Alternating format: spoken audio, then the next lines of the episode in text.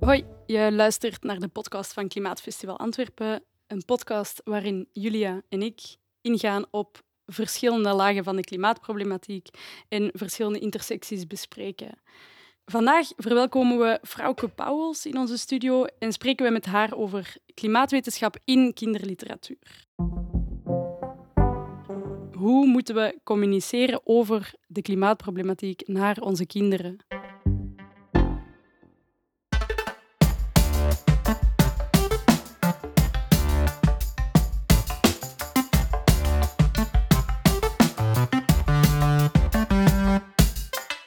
Dag Frauke. Goedemorgen. Hoe gaat het met jou? Goed, fijn om hier te zijn. Je bent onderzoeker aan de Universiteit van Antwerpen en jouw onderzoek focust zich op de rol en de beeldvorming van wetenschap en wetenschappers in kinderliteratuur, klopt?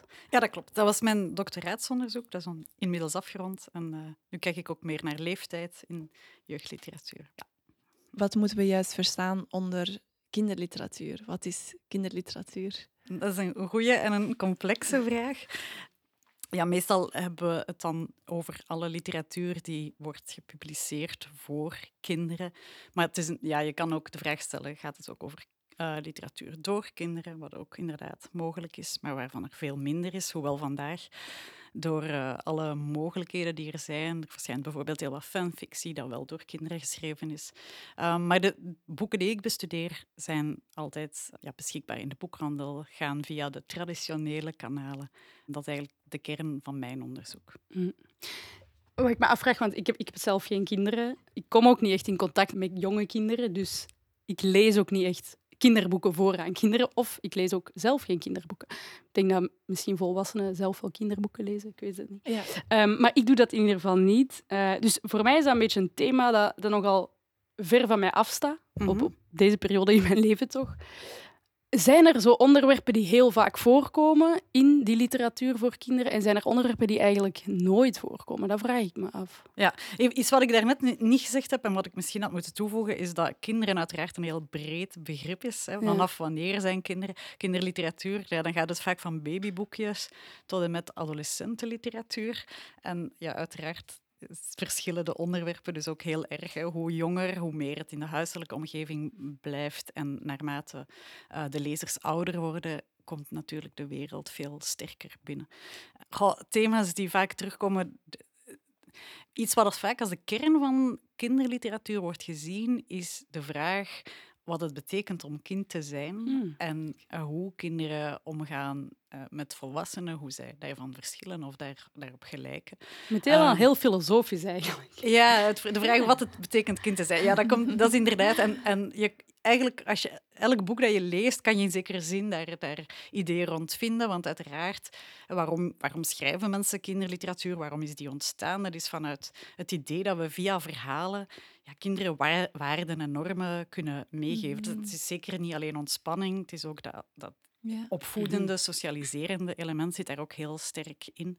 En mensen doen dat uiteraard vanuit een bepaald idee over wat kinderen zijn, wat ze moeten meekrijgen. Ja, dus, dus dat was wat we dan in, in de literatuurstudie het kindbeeld noemen.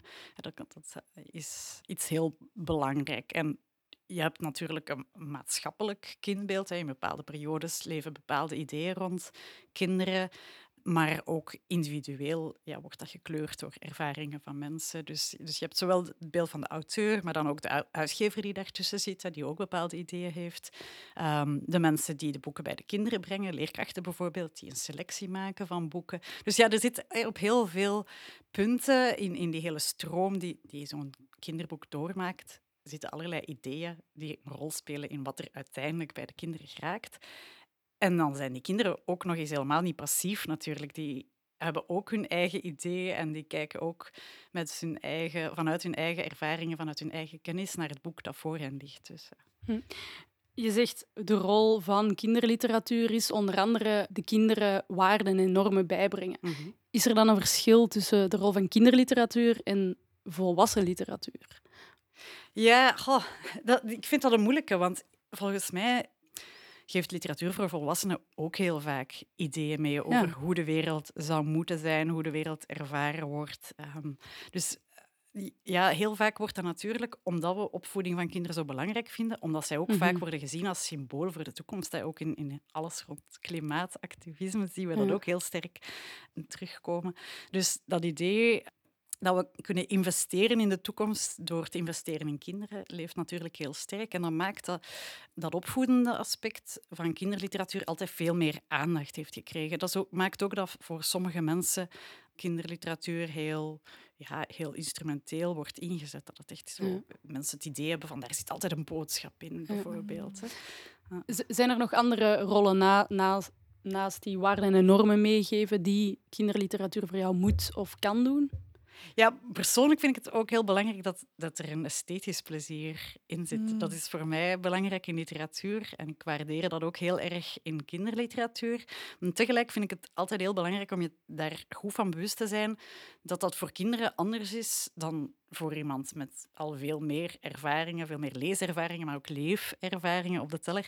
En iets dat voor ons bijvoorbeeld als stereotype eh, klinkt of een heel herkenbaar patroon, dat voor kinderen niet noodzakelijk het geval is. En tegelijk is dan ook weer moeilijk, of persoonlijk vind ik het zelf moeilijk, omdat zij zodanig veel invloeden hebben, bijvoorbeeld vanuit het visuele, waar ze ook met allerlei motieven, met allerlei patronen in aanraking komen, die ze natuurlijk even goed meenemen wanneer ze lezen. Dus, ja.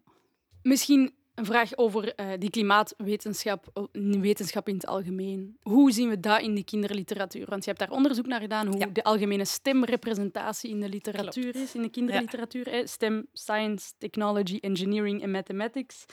Ja, dus heel vaak als ik, als ik dat thema voorstelde aan mensen, dan denken mensen meteen aan de typische verstrooide professor of de mad scientist. Dat zijn de beelden waar mensen het eerst op de proppen komen en die eigenlijk, ja, die je heel vaak in strips ziet, daar nog, nog, misschien nog veel nadrukkelijker dan in kinderliteratuur. En je ziet eigenlijk, als je een, een groot aanbod kinderboeken gaat bestuderen, en ik heb naar hedendaagse jeugdliteratuur gekeken, ehm, dus die verschenen is vanaf 2000. Nederlandstalige, hè? Nederlandstalige, precies. Ja. Ik heb een, een aantal boeken in vertaling ook meegenomen, maar dus wel alles wat functioneert binnen de Nederlandstalige context. En dan gaat het ook zowel over fictie als non-fictie. Ja, precies. Ja, Ja. Want inderdaad, heel vaak wordt er alleen, allee, of of denken mensen bij kinderliteratuur ook op de eerste plaats aan fictie, maar die non-fictie is wel een, een eh, belangrijke rol gaan spelen. Heeft die eigenlijk altijd gespeeld, maar de laatste jaren zien we ook literair meer waardering voor echt goed geschreven non-fictie. Dus het algemene beeld van wetenschap in jeugdliteratuur. Ja, dus, dus die stereotype geleerde, die zit er zeker nog, maar er zijn heel wat andere beelden te vinden. Je ziet bijvoorbeeld ook dat kinderen heel vaak zelf uitvindingen gaan doen of aan wetenschap gaan doen. En eh, heel interessant ook, vond ik, en zeker ook als we het straks hebben, specifieker hebben over die klimaatwetenschap, is dat ehm, moeders ook steeds vaker aan wetenschap lijken te doen. Dus je ziet dat, dat auteurs wel ehm, bewust beginnen om te gaan met eh, wie wetenschapper is in kinderboeken, wie dat kan zijn. En ook hoe wetenschap wordt ingevuld. Dus het, het interessante is dat wetenschap zowel positief als negatief wordt ingezet. Je kan niet zeggen van nou, het is bijna altijd negatief ehm, in de zin van eh, gevaarlijk bijvoorbeeld, Hm. iets waarvoor je bang moet zijn. Ehm, er zijn ook voorbeelden te vinden waar, waar wetenschap een positievere rol speelt. Een boodschap die wel heel vaak voorkomt, of die je heel vaak terugvindt, is eh, het idee dat het heel erg uitmaakt in wiens handen eh, bepaalde wetenschappelijke uitvindingen of ontdekkingen terechtkomen. En dat wetenschap zowel ten goede als ten kwade kan worden gebruikt. Dus, want ja, kinderen krijgen eh, vandaag heel sterk het idee mee dat daar de toekomst ligt. Denk aan alle stemvakken, ook op scholen. Ehm, stem is nu een richting die heel vaak wordt gekozen aan het begin van het secundair onderwijs, meer dan Latijn ondertussen. En dat, dat idee leeft gewoon heel sterk. Ze krijgen dat ook heel sterk mee, dat als je eh, wil bijdragen aan, aan de toekomst van onze maatschappij, dat je bij die stemvakken, dat je daar ja, de middelen zal Ja, in, vinden. in die exacte wetenschappen Ja, ik heb ligt de oplossing voor die... dat idee, hè? Dat, idee, dat vooruitgangsoptimisme, waarin wetenschap eh, en technologie een cruciale rol spelen, Ja. zie je wel heel vaak. En je sprak ook al over het opvoedende aspect van die kinderliteratuur. Wie schrijft die boeken dan? Wie zijn de auteurs die die boeken schrijven en ook dat idee willen delen? Da- Dan heb je het dan over wetenschap in het algemeen of De specifieker? auteurs van kinderboeken die over wetenschap gaan. Ja. Of die gericht zijn aan, aan Mhm. stemleerlingen en studenten. Ehm, ik heb daar niet heel uitgebreid onderzoek naar gedaan. Wat mij wel opviel was dat als er auteurs ehm, in mijn corpus zaten die wat vaker over wetenschap spraken of dat vaker een plek gaven in hun verhalen, dat dat vaak mensen zijn van wie je in interviews wel eens leest dat ze als kind bijvoorbeeld ook bioloog hadden willen worden. Mhm. Of, dus dan voel je wel dat die persoonlijke interesse toch altijd ook een, een rol speelt in waarover mensen gaan schrijven. Bij non-fictie ja, zijn het ook vaak mensen met een grote interesse in in, weetjes. Maar heb je misschien ja, iets minder specifiek die link? Of zijn het vaak mensen die gewoon op, in allerlei domeinen geïnteresseerd zijn en die proberen om die kennis om te zetten naar uh, iets wat voor hmm. kinderen bevattelijk kan zijn? Hmm. We hadden jou ook gevraagd om een aantal voorbeelden mee te nemen, een aantal kinderboeken waarin klimaatwetenschap en de klimaatproblematiek aan bod komt. Mm Misschien moeten we daar eens even naar gaan kijken. Ik ben eigenlijk wel benieuwd uh, hoe dat die kinderboeken eruit zien. Ja, ik heb er uh, een aantal meegebracht. Um, nu, op zich, het is ook heel moeilijk. Hè? Vanaf wanneer gaat een boek over klimaatverandering? Dat is uh, een vraag die we ons eigenlijk um, nog maar beginnen te stellen. Hè. De, de, omgang met natuur is in jeugdliteratuur altijd heel belangrijk geweest, van bij het begin, van bij het ontstaan wordt ook al langer bestudeerd, maar nu eh, stilaan hoor je steeds meer uh, zeggen van ja, maar het volstaat niet langer om puur naar milieubewustzijn te gaan kijken. We moeten het echt hebben over klimaatverandering. En dan ja, uh, wat jullie ongetwijfeld al vaker besproken hebben. Dat is zo'n ja, uh, hyperobject, zoals uh, Morten zegt. Zoiets onbevattelijk dat op zoveel schalen speelt, dat de over tijd en ruimte gaat, hè, dat ontzettend moeilijk te vatten is. Hoe kun je dat dan vatten in een verhaal waar het net vaak over een heel specifieke situatie gaat, over specifieke personages in een specifieke tijd en ruimte?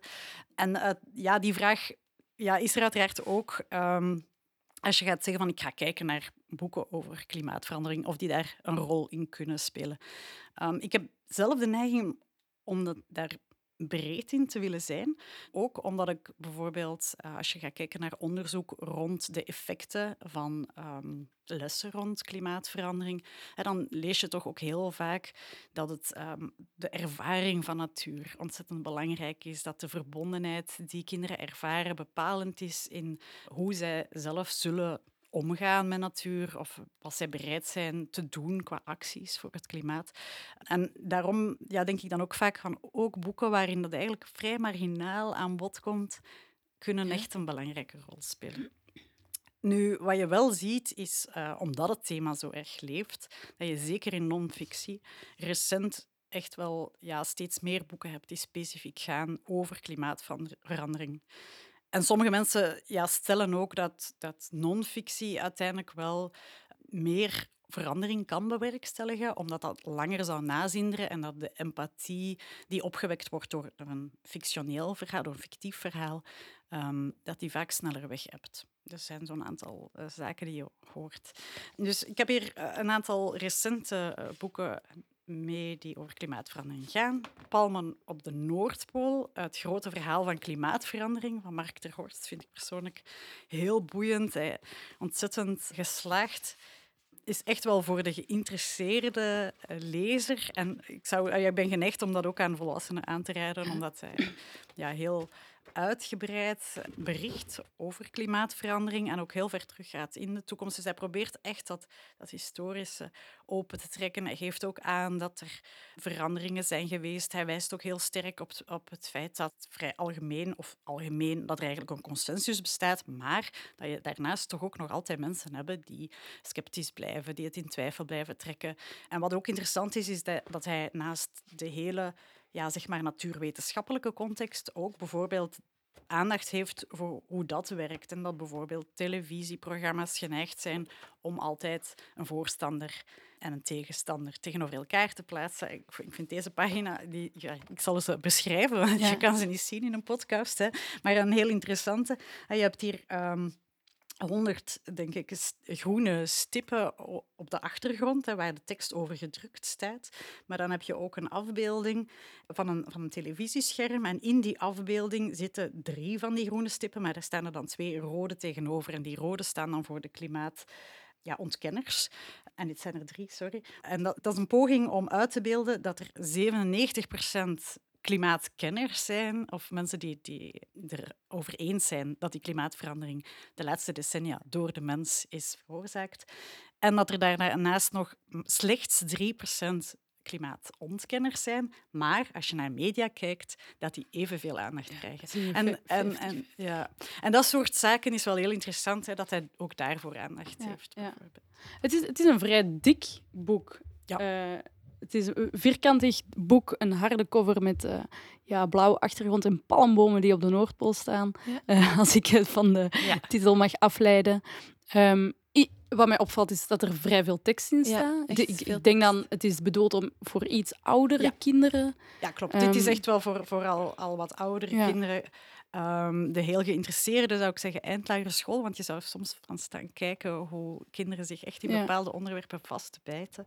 Maar zeker ook ja, begin secundair uh, onderwijs. Ja, want interessant is als je naar verschillende boeken over non-fictie gaat, gaat kijken, is ja, één, hoe brengen ze het aan? Wat vertellen ze over klimaatverandering? Maar ook hoe, welke positie krijgt het kind? We hebben het daar net al gehad over. Het gaat altijd over wat is een kind? Eh, wat betekent het om kind te zijn? En in werkelijkheid hebben kinderen relatief weinig macht. Is het een van de minderheidsgroepen. Uh, maar tegelijk krijgen ze heel vaak de boodschap van jij kan iets veranderen. En, en ja, van hoe wordt dat aangekaart? Hè? Wordt dat kind inderdaad als individu benaderd? Krijgt het het valse idee dat persoonlijke kleine zaken dat volledig kunnen gaan oplossen? Of wordt dat toch gekaderd in een breder, in de nood aan een collectieve aanpak? En dat is wel boeiend mhm. eh, als je gaat kijken naar verschillende boeken. En dan zien we ook dat verschillende... Ze doen dat zeker niet allemaal op dezelfde manier. Ja. Heb je het gevoel dat bepaalde emoties worden ingezet in kinderliteratuur, maar ook specifiek rond klimaatwetenschap? Ja, um dus als ik even bij de non-fictie blijf, dan vind ik bijvoorbeeld het ontzettend interessant om die Palman op de Noordpool tegenover Frida's coole klimaatboek te zetten. Dat is een, een boek van Monique Vermeulen, Frank Polet en Jurgen Walschot. Ook een vierkant formaat, ook een iets groter, uh, iets, iets groter, ja. iets, uh, ja. iets visueler ook, als, inderdaad, ik het zo zie. Uh, nog meer afbeeldingen. En het wordt eigenlijk een beetje voorgesteld zo als een, een scrapbook. Een collage. Waar, ja, Zo, waar een kind in genoteerd heeft, een notitieschrift en allerlei zaken bij heeft getekend. En wat opvalt aan dit boek is dat, er, dat het ontzettend polariserend is uh, geschreven. En in zekere zin ja, stemt dat overeen met... Het is een, een elfjarig meisje, als ik me niet vergis, die hier aan het woord is. Dus dan, ja, dan, dan denken kinderen vaak uh, meer in zwart-wit. Ja. Als je puur neurologisch gaat, gaat kijken, uh, is het brein dan zo georganiseerd. Uh, dus in dat opzicht zou je kunnen zeggen, ja, dat is geloofwaardig. Maar we weten ondertussen ook wel dat het heel belangrijk is om, uh, als we klimaatverandering goed willen aanpakken, dat we niet in die polarisering mogen blijven hangen en dat het net nodig is om dat te overstijgen. En dat vond ik wel heel boeiend, want dat is iets wat dan in, in Palmen op de Noordpool van Mark ter Horst duidelijk wel uit de weg wordt gegaan. Dus je voelt dat hij daar veel voorzichtiger, veel genuanceerder mee omgaat. Ja. Ja. Want hij gaat er misschien wel genuanceerder mee om, maar misschien kunnen kinderen dat niet zo genuanceerd opnemen. Misschien maken kinderen daar heel duidelijke beelden van voor zichzelf. Ja, dat is, dat is een, een interessante vraag. Hè? En ik, ik heb niet meteen weet van uh, empirisch lezersonderzoek naar hoe kinderen reageren op klima specifiek klimaatboeken. Mhm. Wat er wel opvalt als we dan uh, terug even naar de fictie gaan, is dat in heel veel um, boeken, zeker die voor wat jongere kinderen, dat de uitbeelding van klimaatverandering uit de weg wordt gegaan. Heel vaak, eh, dus ook um, als je, ofwel heb je zo dystopische verhalen waar um, de apocalyps achter de rug is, met post-apocalyptische ah, romans. Um, en dan wordt, die niet helemaal, dan wordt dat niet afgebeeld hoe uh, afgrijzelijk al die veranderingen kunnen zijn. En dan wordt er vanuit een nieuwe maatschappij gestart in de verbeelding. Ofwel heb je boeken waar die klimaatverandering, terwijl die eigenlijk al volop aan de gang is, toch in de toekomst wordt gelegd. Dus je voelt wel dat op, ja, dat zo in zekere zin de voorzichtigheid over wat we aan kinderen kunnen meegeven, om hen niet te zeer te beladen, is daar toch wel aanwezig. Hm. Ja, dat, dat lijkt me inderdaad een moeilijke afweging in welke mate we die kinderen wel daadwerkelijk kunnen confronteren met eigenlijk wel de apocalyptische toekomst die voorspeld wordt. Want als we eerlijk zijn, en dat is inderdaad iets eh, dat je heel vaak uh, die vraag krijgt van kunnen er wel kinderboeken over klimaatverandering worden geschreven. Want eigen aan het kinderboek is ook dat het eigenlijk dat, het, dat er altijd hoop blijft. Hè. Men Mhm. wil ehm, kinderen, eh, maar acht het ethisch onverantwoord om kinderen aan het eind van een boek zo, zonder enige hoop eh, weg te sturen. En dat idee van een, een happy end aan het einde Mhm. is heel sterk aanwezig eh, in jeugdliteratuur. Je hoort, oh, je hoort ook auteurs daar wel eens echt op reflecteren. Van, ja, kan ik het maken om het hierover te hebben? Hoe moet het dan eindigen? En dan zie je ehm, dat boeken over klimaatverandering soms ook zo een brede bocht maken en bijvoorbeeld dan ehm, tegen het einde toe zo- zullen zorgen dat het persoonlijke verhaal zeker goed afloopt, maar dan het andere misschien meer open blijft. En, ehm, dus je voelt wel ja, die verwachtingen over jeugdliteratuur of kinderliteratuur. Ja, ik, Ja. ik gebruik jeugdliteratuur als containerbegrip en niet per se als eh, voor de, iets voor de oudste. Dat die verwachtingen ja, echt bepalen hoe men kan gaan schrijven. eh. en dan heb ik het nu zelfs ja, alleen maar over, over het ethische, over de hoop die we willen meegeven. Eh, maar je ziet dat ook op, op andere vlakken. Ik heb hier een, een boek mee dat eh, wel eens eco-thriller is genoemd, Borealis van Marloes Morshuis.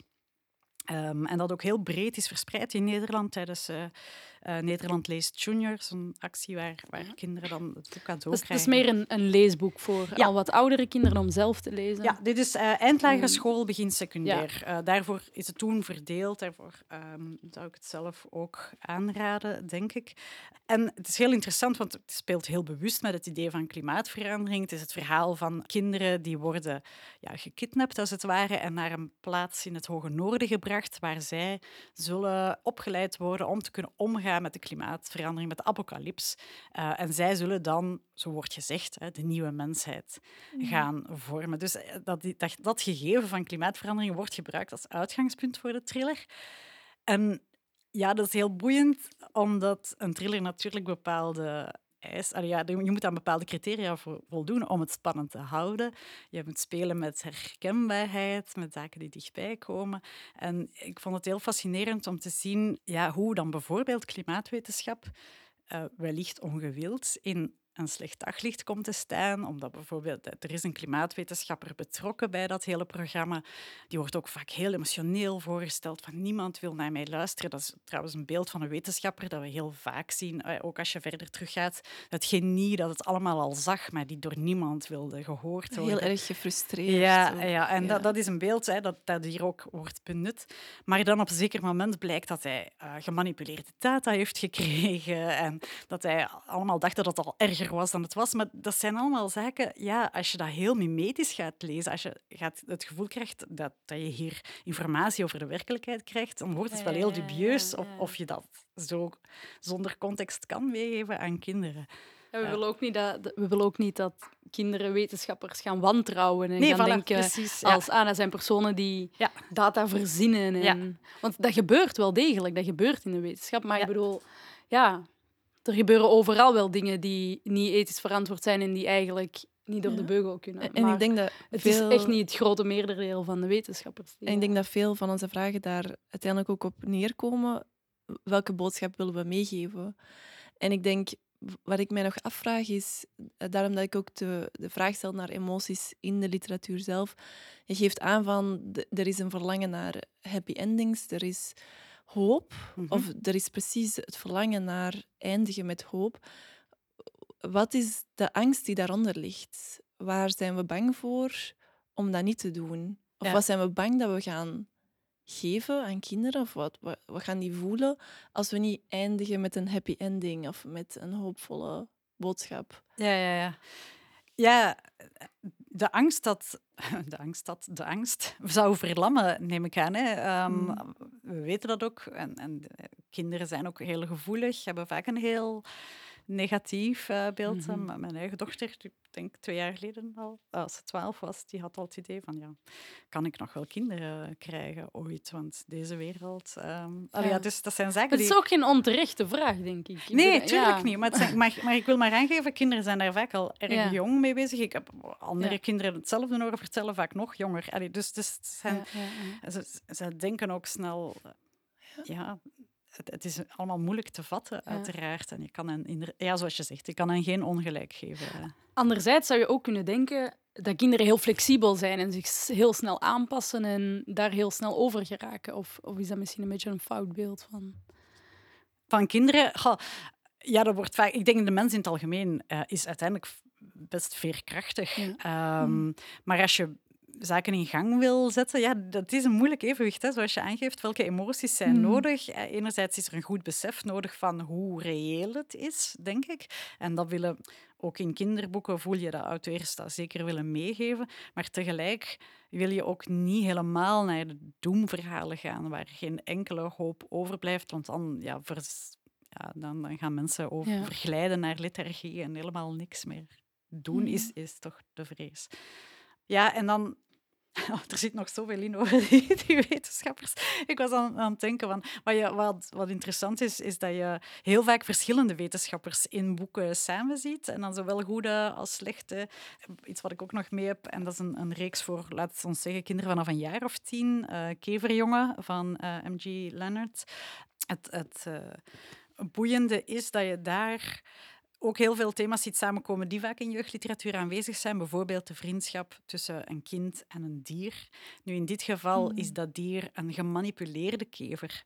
En dat vind ik ook heel boeiend, dat, ehm, dat hier de gemanipuleerde ni- natuur, hè, waar, waar die strenge scheiding tussen mens en natuur niet meer zo sterk aanwezig is, dat die toch nog altijd aanleiding geeft voor die verwondering, voor die verbondenheid. En dat vanuit die vriendschap ehm, de jongen uiteindelijk allerlei acties gaat doen die de planeet ten goede komen. Maar wat, wat hier ook in zit, en dat wil ik nog wel even aanhalen, omdat ik het heel intrigerend vind als motief, is dat je dus de, de slechte wetenschapper geeft ook aan ten goede te werken. Zij zegt dat ze de planeet wil redden en je krijgt in, in het, het is een trilogie, en in het tweede deel een lang pleidooi waarin ze aangeeft van en, en eh, waarom horen we jullie dan niet? En, eh, en de koraalrif en een hele, je krijgt een hele opsomming van allerlei zaken die we weten, die ook kinderen weten, eh, dat ze gebeuren. Dus ik kan me inbeelden dat het ook als, als jonge lezer heel dubbel is van ja, maar tot, hoe moet ik mij hier nu toe verhouden? Want wat die, wat die vrouw zegt klopt helemaal. wat die, en terwijl zij is al voorgesteld als heel slechte moeder. Zij is voorgesteld als, als mad. Ehm, dus je krijgt daar de, de- zo echt die spanning. En ja, zij vertolkt als het ware een ecocentrisch denken. Maar tegelijk merk je wel, ze is zich- zich- zichzelf aan het omvormen tot eh, een soort van superkever. En zij wil wel aan het hoofd staan. Dus je voelt zo dat, dat machtsverlangen zit er dan wel nog in. Maar die spanning is heel interessant. En ik zie dat in, in meerdere boeken.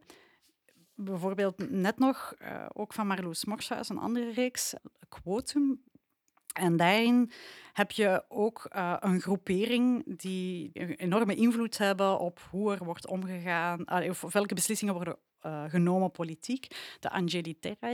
En dan merk je dat die ook staan voor het ecocentrisch gedachtegoed. Dan bijvoorbeeld, die komt een, een dier tegen en dan moet hij ook eh, vooruit uit noodzaak dood ehm, ja, een soort gebed tot, tot moeder aarde. En, ja, dus die frictie vind ik heel interessant om- en, en heel ehm, verwarrend in zekere zin om vast te stellen dat dat, dat ecocentrisch gedachtegoed bijna stevast wordt gebruikt voor de antagonist, voor de tegenspeler.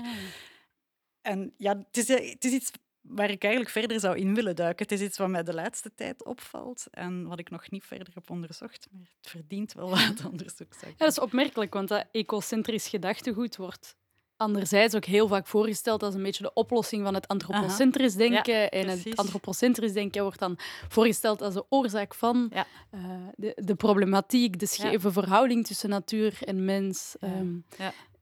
En in de kinderliteratuur wordt dat ecocentrisch denken dan blijkbaar een, be- een beetje gezien als... Ja, het is opvallend, want het is natuurlijk altijd verweven. Dus bij die antagonist zit altijd een hunker om macht. Het gaat altijd over een kleine groep die hun eigen privileges willen veiligstellen. Eh, maar het is opvallend dat zij dat dan onder het mom van eh, dat ecocentrisch denken doen. En, en dat vind ik zo wel interessant. Ik zou ook... Ja, ik zou ook wel graag eens wat gesprekken hebben met kinderen om te zien wat zij daar dan allemaal Ja, uithalen. dat lijkt me ook interessant. Ehm, maar in elk geval wel boeiend om, om te zien dat die complexiteit van klimaatverandering dat die er duidelijk eh, in zit. Want ook Ja. in nog een ander boek hier, en, eh, Offline van Marco Kunst. ook voor, laten we zeggen, tweede helft lagere, lagere school, gaat eigenlijk vooral over uh, de vraag naar um, artificiële intelligentie en hoe ver gaan we daarin gaan en hoe uh, kunnen die echt tot, tot zelfdenkend wezen worden, iets, iets wat ons zou overnemen. Maar tegelijk is dat dan toch weer vervlochten met, met dat gegeven van klimaatverandering. Je hebt bijvoorbeeld een groep, eh, de aardelaars, die zich heeft afgezonderd en die in de natuur leven en alle technologie hebben verbannen. Dus je voelt ja, de complexiteit van klimaatverandering en, en die verstrengeling met, met politiek, met sociale ongelijkheid, met, uh, dat die echt wel haar weg vindt naar, naar jeugdliteratuur. Wat denk je dat de toekomst is van jeugdliteratuur in dit onderwerp? Verwacht je dat er nog meer boeken geschreven worden en dat ze misschien eens een keer een negatief einde hebben? Of? Mm, ik denk, ik zie wel een aantal tendensen. E-, enerzijds denk ik dat je nog meer aandacht gaat krijgen om de natuur te schetsen in, in schoonheid of in verwondering over de natuur. De eik was hier van Bibi Dumontac is, um, ik denk dat het trouwens geschreven is als Nee, het was niet maand van de filosofie. Maakt niet uit. um, ik zou het moeten opzoeken. Um, maar in elk geval, de eik was hier van Tonke Dracht. Daarin uh, vertelt een eik. En het is heel boeiend om te zien dat die eik allerlei bedenkingen maakt over tijd. En er is een, vogel met wie hij in dialoog gaat. En die zegt, uh, van, ja, maar je staat hier maar, uh, je staat vast. Ja, maar wat is staan? En dan ja, zo het feit dat hij een veel bredere blik heeft op tijd. En dat soort zaken verwacht ik dat meer en meer hun weg gaan vinden naar jeugdliteratuur. Ze zijn dierenverhalen, natuurverhalen zijn er in zekere zin altijd geweest, maar bij momenten heel antropomorfistisch. En je voelt dat daar gezocht wordt naar een manier om enerzijds... Ja, je hebt denk ik onvermijdelijk, ook voor volwassenen, dat antropomorfisme nodig om je te kunnen... Je kan alleen maar denken vanuit je eigen ervaringen. Dus je moet aansluiten bij, bij een of andere herkenbaarheid. Um, maar je voelt dat er toch heel erg wordt gezocht naar hoe kunnen we tegelijk zo eerlijk mogelijk gaan uh, op basis van wat, we nu weten over hoe natuur functioneert. Dat daar wordt ja, gezocht naar zo'n zo weergave van andere perspectieven, andere schalen... Um, en dat is wel heel interessant om te zien. Um, je vraagt van, gaat er meer, kan er bijvoorbeeld een slecht einde zijn? Ik verwacht van wel, want wat interessant is, is dat je bijvoorbeeld de dystopische verhalen, die waren aanvankelijk echt wel weggelegd voor de oudere jeugd, van, laten we zeggen vanaf een jaar of veertien. En wat je ziet, is dat uh, dystopische verhalen ook steeds meer voor jongere kinderen worden geschreven. Dat je ook vanaf, laten we zeggen, tien plus, dat je ook daar verhalen krijgt die, die echt vanuit dat gegeven vertrekken. Dus ja, ik schat in dat men zal durven meer negativiteit toelaten. Ja. Misschien nog om, om af te sluiten, of had jij nog een vraag, Julia? Ja, ik had nog wel ah, een vraag. In het begin haalde je aan dat kinderen eigenlijk een minderheidspositie, in een mhm. minderheidspositie zitten. En dat um, zijn groep zijn die eigenlijk niet vaak gehoord worden. Mhm. Je geeft ook aan dat er, dat er angst is om kinderen te verlammen. En ik, ik vraag me af of dat we in die positie eigenlijk kinderen niet onderschatten. Je geeft ook aan dat je dochtertje 12 is en zich eigenlijk al afvraagt of zij later kinderen wil op deze wereld wil zetten.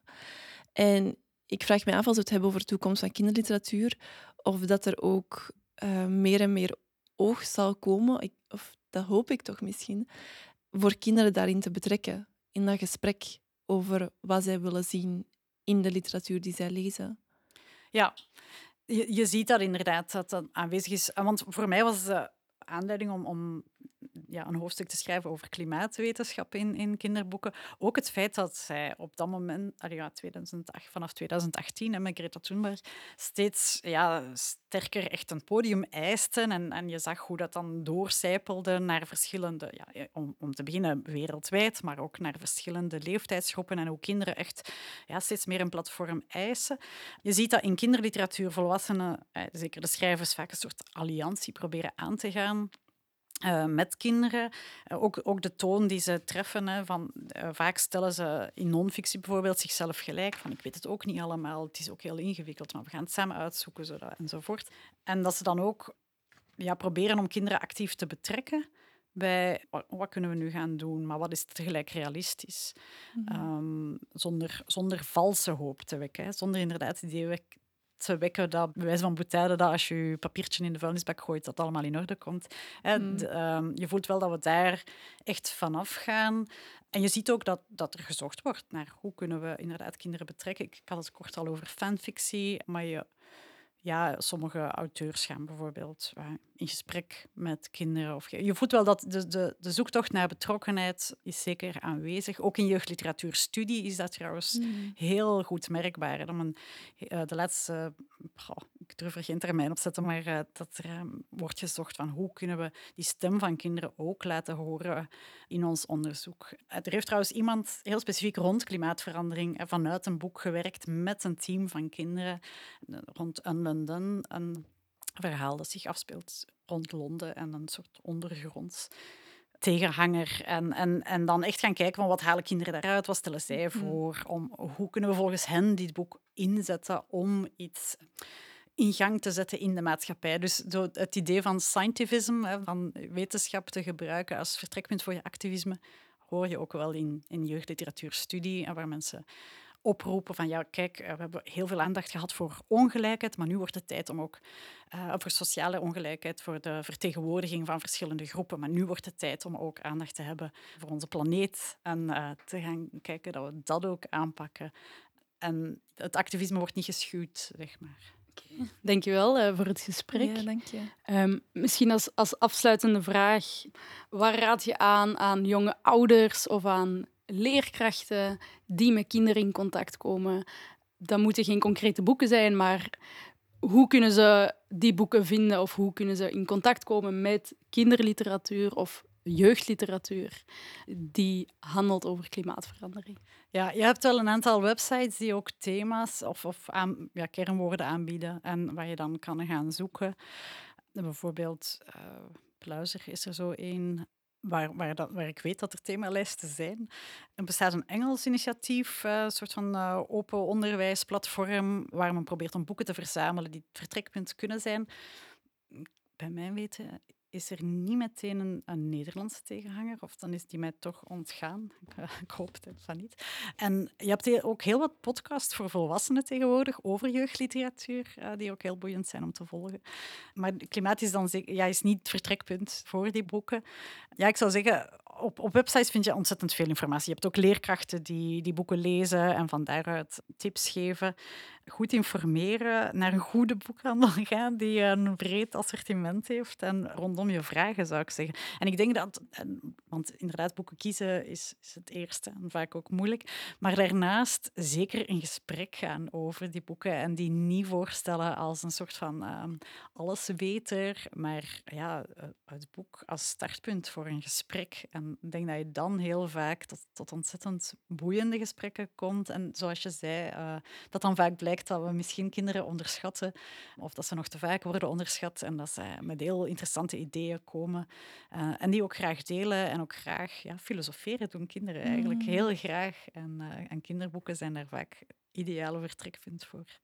Oké, dankjewel. Ik hoop dat eh, dit gesprek in ieder geval al een idee heeft gelanceerd bij mensen van er bestaat literatuur voor de jeugd over die klimaatproblematiek die complex is, die ehm, ja, ingaat op verschillende intersecties ook. We zullen de links die jij hebt aangehaald ook mee opnemen in de beschrijving van de podcast, zodat de luisteraars die terugvinden. Mhm. Ja, ik, ik vond het een boeiend thema. Ik had daar eigenlijk in eerste instantie niet over nagedacht, maar het, is- het is toch wel heel belangrijk om de vraag te stellen van ja, wat geven we mee aan kinderen? Hoe communiceren we over eigenlijk iets heel donker, negatief, apocalyptisch, niet erg rooskleurig? Hoe communiceren we daarover met de jeugd en met de Mhm. toekomstige generaties? Zonder die, zoals we hebben gezegd, helemaal te verlammen of verantwoordelijkheid in hun schoenen te schuiven die ze eigenlijk niet hebben. Eh, En het daar ook niet bij te laten. Ik vond dat een heel fijne Ja. oproep om ook te zeggen van het boek kan ook een heel fijn startpunt zijn voor een gesprek of om samen te filosoferen, om die verwondering te stimuleren en ook eh, kritisch te zijn. Dat, dat vond ik heel mooi aan het boek ehm, Palmen in het Noorden. Palma denk op de Noordpool. Ja. Ja. dat er ook wordt aandacht gevestigd op hoe gaan we kritisch om met wat de wetenschap ons geeft of wat de media ons geeft. Dus dat het boek een, een soort van een springplank kan zijn voor een heel rijk uh, gesprek waarin ook het kind eigenlijk het woord kan nemen Ja. en daar verder op kan gaan. Dus, Ja. Ja. Dat is, dat iets wat je echt wel ziet. Hè.